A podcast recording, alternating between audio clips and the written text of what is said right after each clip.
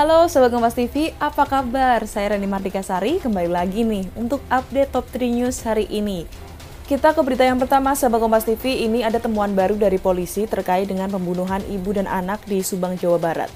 Nah, polisi menduga pelaku menggunakan mobil Avanza putih dan motor NMAX berwarna biru. Polisi masih terus mengungkap kasus pembunuhan ibu dan anak di Subang dengan menganalisis sejumlah barang bukti. Polisi mengaku telah menganalisis 55 CCTV yang tersebar dari kota Bandung menuju TKP pembunuhan di Subang. Dari rekaman CCTV, penyidik melihat kesesuaian antara keterangan saksi dengan CCTV. Polisi menduga pelaku pembunuhan menggunakan mobil Avanza putih dan motor NMAX biru.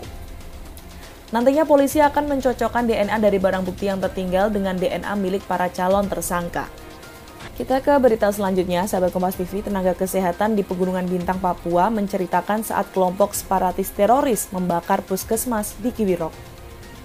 Saat mereka berusaha menyelamatkan diri, anggota kelompok teroris itu terus mengejar. Tenaga medis yang ditangkap dianiaya, sementara sebagian memutuskan terjun ke jurang termasuk satu nakes yang gugur Sebanyak sembilan tenaga kesehatan korban penyerangan dan kekejaman kelompok separatis teroris di Pegunungan Bintang, Papua dievakuasi ke Jayapura. Sebelumnya mereka bertahan selama lima hari di pos Satgas TNI di distrik Kiwirok. Kita ke berita yang terakhir ya sahabat Kompas TV, ada dari Presiden Joko Widodo yang menerima kontingen Indonesia di Paralimpiade Tokyo 2020. Selain menerima anggota kontingen, Presiden juga memberikan bonus nih kepada para atlet dan pelatih yang berprestasi. Selamat ya! Pembagian bonus untuk kontingen Paralimpiade Indonesia digelar di Istana Kepresidenan Bogor, Jawa Barat.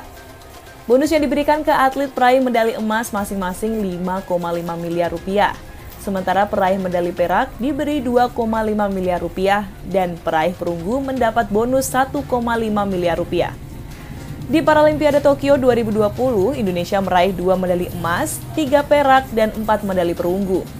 Raihan medali Indonesia lebih baik dibandingkan Paralimpiade Brazil 2014 yang hanya meraih satu medali perunggu. Nah, sahabat Kompas TV, itu tadi Top News hari ini. Saya Rani Mardika Sari pamit, tetap jaga kesehatan dan sampai jumpa.